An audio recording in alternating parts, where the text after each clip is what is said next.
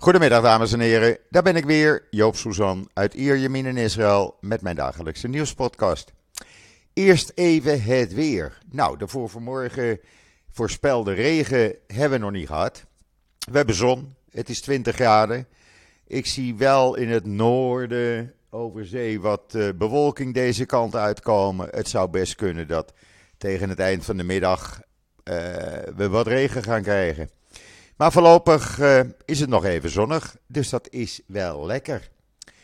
Covid, daar heb ik geen cijfers van. Dat heeft uh, waarschijnlijk te maken met uh, ja, de Hanukkah-vakantie, zullen we maar zeggen.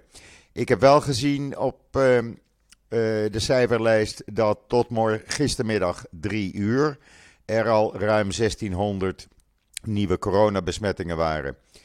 Maar eh, ja, mocht het later in de middag alsnog bekend worden gemaakt en ik krijg het toegestuurd, dan eh, zal ik het online zetten overal. En dan Kvarkama is erkend door de UNWTO als een tourist village. Uh, dat is een exclusieve lijst van toeristische dorpen die worden aanbevolen om te zoeken. En dat is het, uh, de plaats, het dorp, waar de Circassische gemeenschap woont. Uh, en dat is natuurlijk hartstikke mooi. Ik heb daar een uh, leuk artikeltje van gemaakt. Met een video erbij over die gemeenschap. En het is heel bijzonder om te bezoeken. Ik ben er zelf nog nooit geweest. Maar ik heb mij voorgenomen om daar naartoe te gaan. En dan uh, in aanwezigheid van de First Lady Michal Herzog. Uh, zij is namelijk beschermvrouw van het Israel Philharmonic Orchestra. Heeft het Israel Philharmonic Orchestra gisteravond opgetreden in Abu Dhabi. Jawel. En het startte de, de avond met het Israëlische volkslied Hatikwa. Hoe mooi is dat? Dat is voor het eerst in 74 jaar dat het Israel Philharmonic Orchestra heeft opgetreden in een Arabisch land. 74 jaar geleden werd dat in Egypte gedaan, in Cairo. Uh, en het is natuurlijk hartstikke mooi dat dat nu weer gebeurt. Uh, het is een heel uh, mooi concert geweest en iedereen is enthousiast. Ze treden vanavond ook weer op. En uh, u kunt het lezen op israelnieuws.nl. En dan wat je ook kan lezen op israelnieuws.nl: een stamceldoorbraak. Het corrigeren van de onbalans tussen mannen en vrouwen in medicatie. Jawel, dat hebben de uh, universiteit, uh, de, het medisch centrum Hadassah in Jeruzalem heeft dat, die doorbraak bereikt. Want het komt voor dat één persoon zowel mannelijke als vrouwelijke stamcellen heeft. Nou, dat is een heel verhaal geworden. En ik heb een uittreksel daarvan in Israël Nieuws staan. En dan heeft de IDF afgelopen nacht weer tien terreurverdachten opgepakt. In, de, in het kader van de actie Golfbreker. In verschillende plaatsen en dorpen op de Westbank. Er zit een video bij.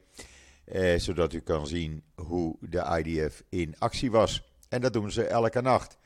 Wij zijn uh, hartstikke trots op die jongens en meiden die dat toch maar doen en daardoor de boel lekker rustig houden.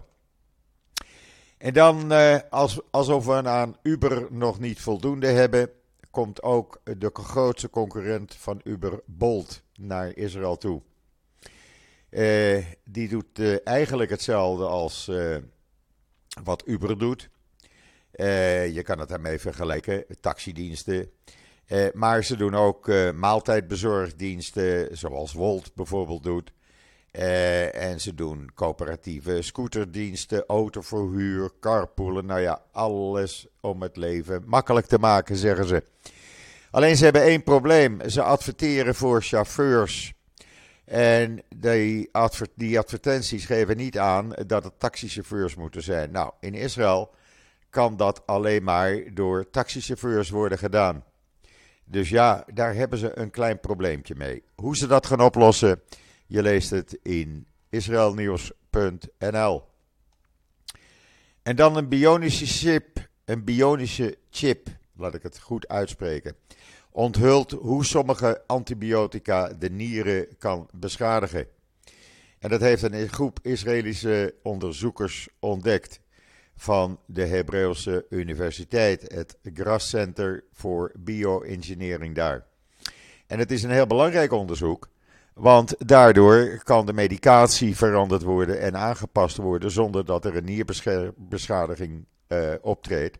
Want dat gebeurt eigenlijk bij tot wel 25% van de patiënten. Uh, ook dat uitgebreid in israelnieuws.nl. En dan uh, gaan we ons met de politiek bezighouden. Want hightech-leiders hebben tegen Netanyahu gezegd: het onderwijsbeleid maakt van Israël een mislukte staat. Als je namelijk uh, begint met uh, wel extra geld te geven aan uh, yeshiva's, zonder dat ze Engels of wiskunde hoeven te leren, ja, dan is dat een verloren groep jongeren. En daar hebben we dus niks aan. Daarnaast begint, beginnen investeerders in het buitenland, die toch goed zijn voor ruim 70% van de investeringen in de high-tech, die beginnen zich zorgen te maken over wat hier in Israël gaande is. En uh, ja, dat, dat gaat uh, problemen uh, op financieringsgebied opleveren. volgens documenten van het ministerie van Onderwijs, die Haaretz in handen kreeg, waren er in 2019 meer dan 90.000 ultra-orthodoxe studenten, oftewel 27% van alle ultra-orthodoxe uh, studenten, die vrijgesteld waren van het studeren, het leren van seculiere vakken. Eh, wat je op elke middelbare school te leren krijgt. En dat is natuurlijk uh, ja, dat is een ernstige zaak. En ik kan me voorstellen dat die high-tech-leiders daar een beetje nerveus over gaan worden. Lees het allemaal in Israël Nieuws, waar je ook kan lezen, want dat heb ik maar even bij elkaar gezet. Het is zo een, uh, uh, ja, het verandert constant eigenlijk met het uur. Het ziet er naar uit dat Netanyahu vandaag voor middernacht gaat aankondigen bij president Herzog. En daar hoeft hij niet eens voor naartoe, hij kan hem bellen van uh, ik heb een regering gevormd. Maar dat wil nog niet zeggen dat er een regering is. Hij, heeft het alleen maar, hij zal het alleen maar gaan doen om te zorgen dat hij het mandaat houdt. Want wat hebben ze namelijk bedacht? Ze hebben bedacht, weet je wat, het is uh, we sturen de Knesset even naar huis. Dan komt de Knesset voorlopig even niet bij elkaar. Eh, misschien maandag op zijn vroegst. Nou, wat krijg je dan voor situatie? Normaal gesproken is het zo, als iemand een regering heeft gevormd, informeert hij de president. Daarna informeert hij de voorzitter van de Knesset, die dan de Knesset informeert, waarna er over gediscussieerd kan worden en de regering beëdigd kan worden. Nou is die Knesset er dus even niet. Dus de voorzitter wordt wel geïnformeerd, maar die kan de Knesset dus niet informeren. Dus wordt die beëdiging uitgesteld. En gezien het feit dat er nog drie wetten aangenomen moeten worden, dat er nog geen overeenstemming is met uh, ultra-orthodoxe partijen en met de extremist, uh, rechtsextremistische Benkwier en Smotrich, zou het best eens kunnen zijn dat Netanyahu zijn maximale uh, termijn gaat gebruiken zonder verlenging te vragen, die dan op 2 januari afloopt. Dat geeft hem rust, dat geeft hem lucht om even uh, te proberen alles op alles te zetten en een regering bij elkaar te sprokkelen. We hebben natuurlijk het probleem van meneer Deri, twee keer veroordeeld wegens fraude en belastingfraude en oplichting. Eh, daar heeft hij één keer dus in 2002 eh, gevangenisstraf voor gehad. Bijna twee jaar, 22 maanden. Nou is hij in januari weer veroordeeld. Ik heb dat al een aantal keren uitgelegd. Hij heeft toen een pleidooi-overeenkomst gemaakt. waarin hij zei: Oké, als ik een voorwaardelijke straf krijg, ga ik uit de politiek. Nou, hij heeft die voorwaardelijke straf gekregen. Eh, maar hij is toch weer de politiek ingegaan. Nu wordt er gezegd: van, ho, wacht even, hij is twee keer veroordeeld. Uh, dan moeten we die wet veranderen dat uh, het niet geldt voor iemand die voorwaardelijk gestraft is. Maar die wet moet nog aangenomen worden. Nou, de Knesset is er dus nu even niet. Wet kan niet aangenomen worden. Dan hebben we de politiewet van meneer uh, Benkwier. Die wil dus uh, politiecommissaris ook spelen als minister. Dan moet de wet ook voor veranderd worden. Knesset is er niet, dus de wet wordt voorlopig even uitgesteld. Dan hebben we nog de wet waarbij uh, een, het Hoge Rechtshof ja, eigenlijk de macht wordt on, ontnomen.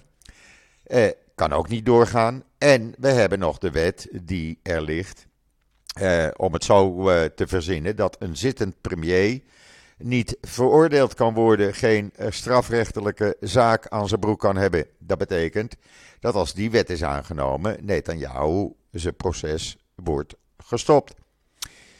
Uh, maar goed, als de Knesset er niet is, ja, dan uh, worden die wetten ook niet aangenomen natuurlijk. Er wordt wel over gesproken in commissies, maar voor de rest niet. Dus uh, ja, het is weer alles wat je niet verwacht. maar goed, het is een slimme zet. En ze hebben de meerderheid in de Knesset met 64 zetels van de 120. Dus het geeft hem lucht. Daarnaast kan hij in die tijd als een gek proberen de bonje in zijn eigen Likud-partij in de kiem te smoren. Want men wordt wat uh, onrustig. Er moet nog een minister van Buitenlandse Zaken worden genoemd, benoemd, eentje van Transport, een minister van Defensie en een permanente voorzitter van de Knesset. Uh, er moet ook nog een minister van Justitie komen. Daar hopen Likud-leden op. Maar gezien de druk van de ultra-orthodoxe partijen en de extreemrechtse partijen, ja, eh, lopen ze die baantjes misschien mis. En dat pikken ze niet. Dus hij moet ook in de Likud-partij als een gek aan de gang. Nou, het is een en al, eh, laten we zeggen, puinhoop, zal ik het zo noemen. Uh, ja, laat ik het zo maar noemen. Het is een puinhoop, maar hij weet er toch elke keer weer een oplossing voor te vinden. Ik vind hem daar een meester in. Dat moet ik hem toegeven. Juist als je denkt van nou, het lukt niet, dan komen ze weer met een ander uh, idee en dan uh, alles binnen de wet. Maar voorlopig zit Israël dus wel zonder regering. Ondertussen heeft meneer Biden gezegd van luister Netanyahu, alles wat extreem rechts gaat doen en de ultra-orthodoxe. Eh, prima dat het ministers zijn, maar we houden jou persoonlijk daarvoor aansprakelijk. Niet die ministers, want eigenlijk willen we die extreemrechtse ministers Benkwier en Smotrich niet eens ontmoeten. Eh, dan kom jij maar, of praten we met jou erover. Dat is natuurlijk ook uh, geen prettig idee voor Netanyahu, maar hij heeft daar wel mee te maken en hij moet dat zien op te lossen. En dat is nu publiekelijk naar buiten gekomen. Daarnaast eh, ligt er een, uh, een uh, ander rapport, dat is door het blad Politico naar buiten gebracht, waarbij Biden wil dat de Israël met de Palestijnen gaat praten. en ja, of hij dat dan gaat doen, Netanyahu, ik denk het niet. Maar in ieder geval wil Biden niets te maken hebben met de ultra-harde elementen in de nieuwe regering. Eh, ook niet met meneer Avi Maos, die anti-homo-minister. Eh, Sorry. Uh, die zelfs gezorgd heeft dat hij plaatsvervangend minister-president is geworden. Een van de vele. Maar in ieder geval, het blijkt dat meneer Biden en zijn club niet uh, blij is met de komende regering Netanyahu. Nou was daar altijd uh, wat wrijving tussen Netanyahu en Biden. Ja, uh, probeer het maar op te lossen, zou ik dan zeggen. Maar goed, genoeg politiek. We gaan het hebben over de griepprikken. Want hier in Israël is uitgekomen dat die veel sterker zijn dan ooit tevoren. Eh ze zijn uh, bijzonder succesvol, zeggen ze, blijkt uit onderzoek. Uh, en als je nog twijfelt of je je wel of niet moet laten vaccineren, is het advies: doe dat nou. Want het wordt anders een raar griepseizoen waar ook nog het coronavirus tussendoor huppelt. Maar hier in Israël schijnt het heel goed te werken. En ja, men is wel verkouden, maar daar blijft het dan bij. Ik heb hem gehad in ieder geval in september al. En ik had een paar dagen last in mijn arm. wat ik eigenlijk nooit heb. Dan is naar buiten gekomen vanmorgen, er staat in de Jeruzalem Post, dat Benny Gans heeft besloten dat het lichaam van de gisteren aan kanker gestorven Fatah-terrorist, eh, meneer Nasser Abu Hamid, voorlopig niet wordt teruggegeven. Het wordt vastgehouden zolang Hamas de twee stoffelijke overschotten van de twee IDF-soldaten die in 2014 omkwamen in die tunnels in zijn bezit houdt. Eh, ik vind dat een goed idee. Die moet je gewoon, uh, uh, ja, geef hem niet terug. Laat Hamas nou maar eens een keer wat doen. En het is heel simpel. Het is een protocol wat goedgekeurd is, zegt Gans, door het Veiligheidskabinet ooit. En ja, men heeft zich er niet altijd aan gehouden. Maar nu gaat Gans zich er, in ieder geval aan houden. Ik hoop dat de volgende regering dat ook gaat doen. Nou, daar zijn de Palestijnen natuurlijk helemaal niet uh, blij mee. Die roepen op tot stakingen en protesten. Want meneer Nasser Abu uh, ja, hij mag dan wel aan kanker gestorven zijn, maar dat ligt allemaal aan Israël. En men heeft al uh, lekker gedemonstreerd en dat gaat natuurlijk gepaard met parades en schieten. Waarbij opviel dat een van die terroristen met een machinegeweer liep wat ja, van goud was gedeeltelijk. Nog nooit gezien. Ik heb het gisteren het filmpje op Twitter gezet. Uh, of er nu een algemene staking komt, ik weet het niet. Meneer Abu Gemeid was ook een van de oprichters van Al-Aqsa, de martelarenbrigade. Dat is de gewapende vleugel van de Fatah-partij. Waar meneer, ene meneer Mahmoud Abbas, is die niet president? Ja, weer mee te maken heeft. Want die is daar de voorzitter van. Zo zie je maar, alles zit met elkaar verbonden. En dan een leuk artikel in i24 Nieuws. Uh, in Tel Aviv is uh, de tweedehands winkelsector booming. Jawel, die verschijnen als paddenstoelen uit de grond. Er zijn er inmiddels meer dan 30. Tweedehands kleding, tassen, sieraden, zonnebrillen, sportkleding, avondkleding, alles gerecycled. En het loopt als een tierenlier. Ik weet niet hoe het in andere plaatsen is. Maar eh, ja, in eh, Tel Aviv loopt het hartstikke goed. Lees het op i24 Nieuws. Daar vind je trouwens vaak leuke dingetjes. En dan uh, is er een video online verschenen. En dat is toch wel opvallend, moet ik je zeggen. Waarom opvallend? In die video zegt meneer Biden dat de nucleaire deal met Iran dood is. Het Witte Huis ontkent het ook niet. Terwijl de EU zegt: nee, we gaan nog even proberen te onderhandelen met Iran over een nieuwe Iran-deal. Nou, wie moet je nou geloven? Ik denk dan toch maar meneer Biden. Want de EU, ja, ach, ze roepen maar wat, denk ik dan. En uh, je wordt er niks wijzer van. Het enige wat ze kunnen is uh, klimaat. Klimaat en nog meer uh, klimaat. En niet alleen uh, klimaat, er is een EU-rapport uitgelekt. En dat beschrijft een plan om de Palestijnse claims in Area C op de Westbank te versterken. Met andere woorden, alles voor de Palestijnen en niets voor Israël. Als uh, de Palestijnen uh, iets willen in Area C, Area C, dan zullen we als EU hun uh, ermee helpen. Het is een zes pagina's document uit juni van dit jaar. En dat is getiteld Europees Gezamenlijk Ontwikkelingsprogramma voor Gebied C. En dat beoogt het recht de Palestijnse claims te verdedigen op dat gebied zodat ze er kunnen blijven wonen en werken. Eh, want dan is het onderdeel van een toekomstige Palestijnse staat. Dat is de Europese Unie. waar u als Nederlander uh, mee te maken heeft. Ik weet niet of, of, jullie daarvoor gestemd hebben, maar in ieder geval, dit doen ze. En je kan het hele uh, verhaal lezen in onder andere The Times of Israel. Het staat in alle kranten in, in Israël. Was ook gisteravond uitgebreid op het journaal. Maar het betekent gewoon van Israël, we hebben maling aan jullie. Wij doen alles voor de Palestijnen. Dat is uw EU-vertegenwoordiger. En dan Iran. Ik vind dat daar in Nederland veel te weinig aandacht aan wordt besteed. Ik doe er uh, op uh, voornamelijk Twitter behoorlijk veel aan.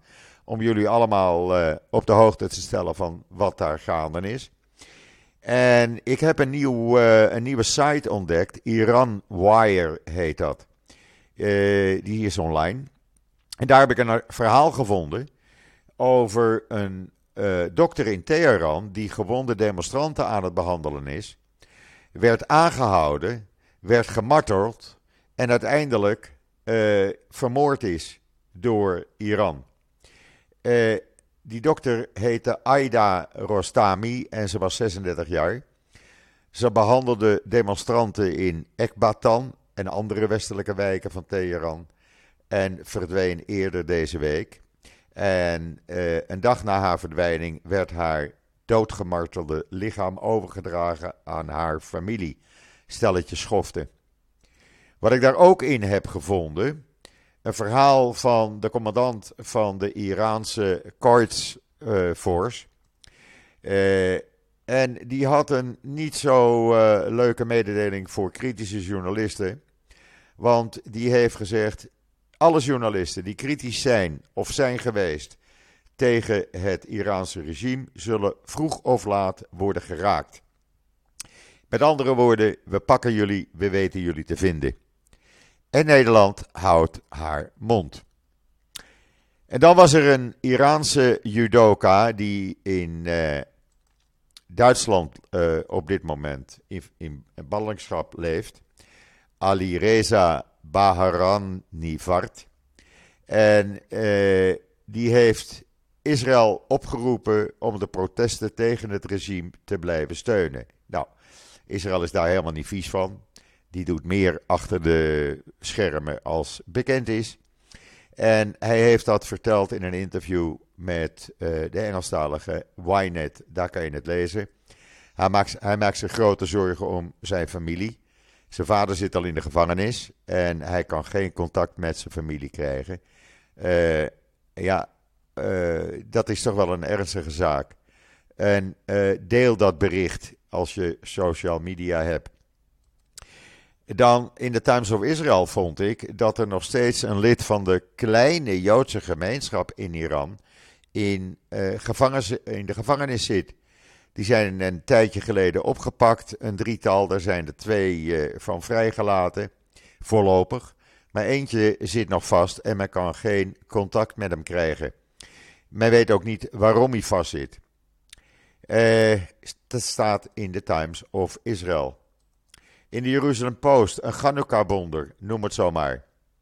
In november werden er in een synagoge in uh, Rishon LeZion, na de vrijdagavonddienst, werd er ingebroken. En toen de synagogebezoekers zaterdag uh, of Shabbat dus naar de synagoge kwamen, was het één grote puinhoop, boeken verscheurd, vernield en de Torah-rollen waren verdwenen. Uh, politie is onderzoek gaan verrichten en heeft uh, twee broers van in de dertig inwoners van Rishon LeZion nota bene opgepakt en uh, voor de rechtbank gebracht. Die zitten voorlopig vast. Daar hebben ze ook de Torah-rollen weer gevonden. Dus ontdekken kunnen ze niet. Uh, ontkennen kunnen ze niet, laat ik het zo maar zeggen. Te lezen in de Jeruzalem Post. Terwijl je in de Times of Israel kan lezen dat uit Israëlisch onderzoek blijkt dat armere mensen een dubbele dosis langdurige COVID-symptomen krijgen. Uh, die krijgen gemiddeld 3,3 keer meer symptomen per persoon dan Israëli's met een hoger inkomen, die slechts op 1,8 uh, eh, keer symptomen per persoon zit. Dat is een uitgebreid Israëlisch onderzoek geweest van de Ben Gurion Universiteit, die dat samen heeft gedaan met academici van de Washington University uh, in St. Louis en andere uh, instellingen. Uh, dat was nooit eerder bekend geworden en het bestrijkt een breed spectrum aan klachten, zoals vermoeidheid, concentratie en geheugenproblemen, spierpijnen, slaapproblemen en psychische problemen. Ze hebben 2200, Isra 2200 Israëli's daarover onderzocht en dit is er uitgekomen. Toch wel belangwekkend hoe dat in Nederland zit. En dan de wonderen blijven met Hanukkah komen, want wie had ooit kunnen bedenken dat er Hanukkah zou worden gevierd in Qatar? Nou, het is gebeurd. Gisteravond zijn, is de menorah aangestoken door de Israëlische uh, diplomaten die daar waren vanwege uh, de duizenden, de tienduizenden Israëlische uh, voetbalbezoekers. En die hebben de uh, aangestoken in de Amerikaanse ambassade in Qatar. Hoe mooi is dat? De Amerikaanse ambassadeur was erbij. Die leidde het en leden van de hele kleine Joodse gemeenschap, want er zitten wat Gabat afgezanten, uh, waren er ook. En die diplomaten dan. Nou, dat is toch geweldig? Uh, er waren ook een aantal Joodse soldaten van de Amerikaanse marine. Uh, die waren erbij uitgenodigd. Nou, ik vind dat geweldig. Uh, er zijn duizenden Israëlische voetbalsupporters geweest. Uh, eigenlijk is er verder niets gebeurd. Ja, er is af en toe geschreeuwd en ze wilden niets met Israël te maken hebben. Maar voor de rest heeft iedereen zich kostelijk geamuseerd. Dus wennen maar aan, het wordt zo langzamerhand allemaal normaal.